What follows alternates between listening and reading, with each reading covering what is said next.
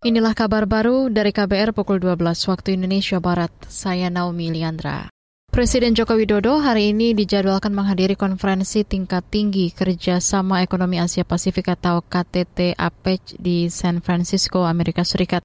Jokowi melanjutkan perjalanan ke San Francisco setelah kemarin melakukan pertemuan bilateral dengan Presiden Amerika Serikat di Washington DC. Di KTT APEC, Presiden Jokowi akan didampingi Menko Perekonomian Erlangga Hartarto, Menteri Perdagangan Zulkifli Hasan dan Menteri Luar Negeri Retno Marsudi. KTT APEC akan diikuti pemimpin negara dari 21 negara di kawasan Asia Pasifik, termasuk Presiden Tiongkok Xi Jinping yang juga dijadwalkan melakukan pertemuan bersejarah dengan Presiden Amerika Joe Biden.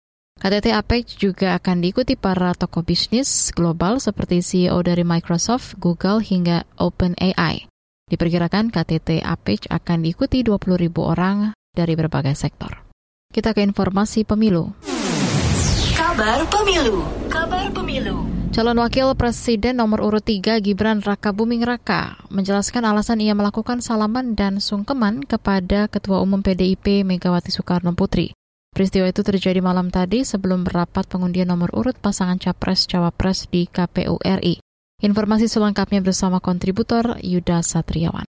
Calon Wakil Presiden dari Koalisi Indonesia Maju, Gibran Rakabuming, terlihat mendatangi dan sungkem pada Ketua Umum PDI Perjuangan, Megawati Soekarno Putri saat momen pengundian nomor urut pasangan calon di KPU. Gibran menjelaskan sikap itu sebagai bentuk penghormatan pada sesepuh atau orang yang dituakan. Gibran enggan mengungkapkan obrolan yang terjadi saat bertemu Megawati.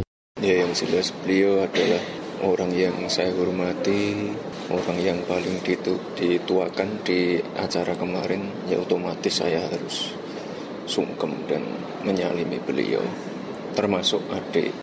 Lebih lanjut, Gibran juga menjelaskan bertemu dengan Sekjen PDI Perjuangan Hasto Kristianto dan Capres dari PDI Perjuangan Ganjar Pranowo. Dalam kesempatan tersebut, Gibran bersalaman dengan keduanya. Sikap serupa juga dilakukan adik bungsu Gibran, Kaisang Pengarep. Kaisang yang kini menjabat Ketua Umum Partai Solidaritas Indonesia atau PSI melakukan sungkem pada Ketua Umum PDI Perjuangan Megawati Soekarno Putri. Dalam kesempatan itu, Prabowo Gibran mendapat nomor urut 2, Anies Mohaimin nomor urut 1, dan Ganjar Mahfud nomor urut 3. Dari Solo, Jawa Tengah, Yuda Satriawan, KBR. Bergeser ke Jawa Timur, fatwa dari Majelis Ulama Indonesia MUI mengenai boykot produk Israel menjadi sorotan dan perdebatan publik. Menanggapi hal itu, Wakil Ketua MUI Jombang Jawa Timur Junaidi Hidayat mengatakan fatwa itu hanya suatu rekomendasi dan panduan serta tidak punya kekuatan hukum yang mengikat. Sehingga kita dari MUI Jombang itu sementara ini kita membiarkan atau memberikan pilihan kepada masyarakat untuk memberikan respon dan penilaian terkait dengan fatwa itu mana yang dianggap atau yang dianggap sesuai dengan pilihan dan nurani mereka. Karena fatwa secara hukum sesungguhnya adalah sebuah apa ya rekomendasi panduan lah gitu ya bukan satu kekuatan hukum yang bisa mengikat.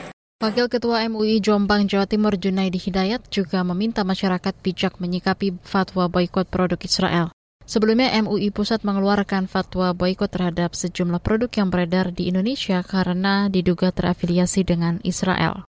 Munculnya fatwa ini dibarengi dengan kontroversi dan perdebatan di ranah publik. Demikian kabar baru dari KBR, saya Naomi Liandra.